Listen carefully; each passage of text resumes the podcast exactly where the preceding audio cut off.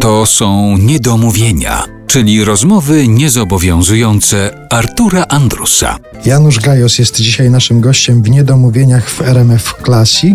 Bardzo się cieszymy i bardzo dziękujemy panu za to, że chciał pan część tego jubileuszu, tych urodzin spędzić e, ze słuchaczami RMF Classic, że chciał pan w radiu spędzić tę część jubileuszu. Zdaje się, że tata byłby zadowolony. No, być może tak, bo tata po prostu, no to był jedyny takie urządzenie, które łączyło nas no, ze światem niecałym. No, wprawdzie ojciec słuchał tam, miał, takie radio, gdzie takie różne przydźwięki były i słuchał takiego bum, bum, bum, bum, to mówi Londyn. Ja nie wiedziałem w ogóle o co chodzi, ale był człowiekiem, który siedział w wolnych chwilach przy radiu i słuchał, co tam się dzieje. Więc to być może. A, tak, powiedział pan, pan mi przypomniał taką anegdotę, że jak się zrobił duży ruch z tym serialem o czołgistach, to ojciec tego nie oglądał, bo rodzice nie mieli pieniędzy, żeby kupić sobie telewizor. To był strasznie drogi sprzęt wtedy.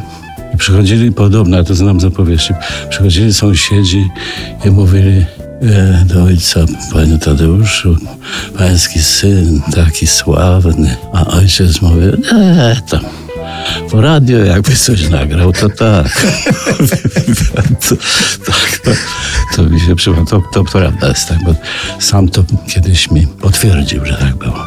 I chciałbym na chwilę zatrzymać się w tej naszej rozmowie właśnie przy sprawie aktora i rodziców, bo to się często w biografiach aktorskich pojawia, ten wątek, że rodzice z pewnym niepokojem przyjmują decyzję swojego dziecka, że będzie aktorem, no bo to ciężki kawałek chleba i czy z tego się da żyć i w pana przypadku tak samo było, prawda? No identycznie, to tak jak jakby jakaś etap przez który trzeba przejść.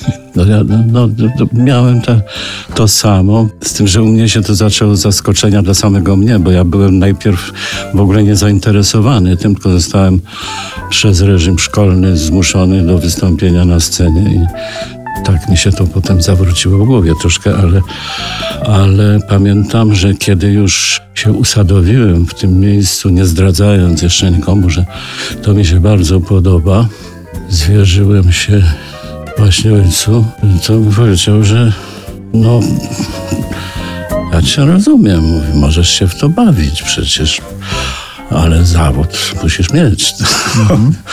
Takie było pojęcie o, o tym, co my wyprawiamy, co my robimy. A kiedy był taki moment, czy był, mam nadzieję, że był taki moment, że rodzice stwierdzili, no jednak nasz syn dobrze wybrał. Czy jednak już Ale nawet... jeszcze takiej deklaracji nie było, ani na piśmie, ani w słowach.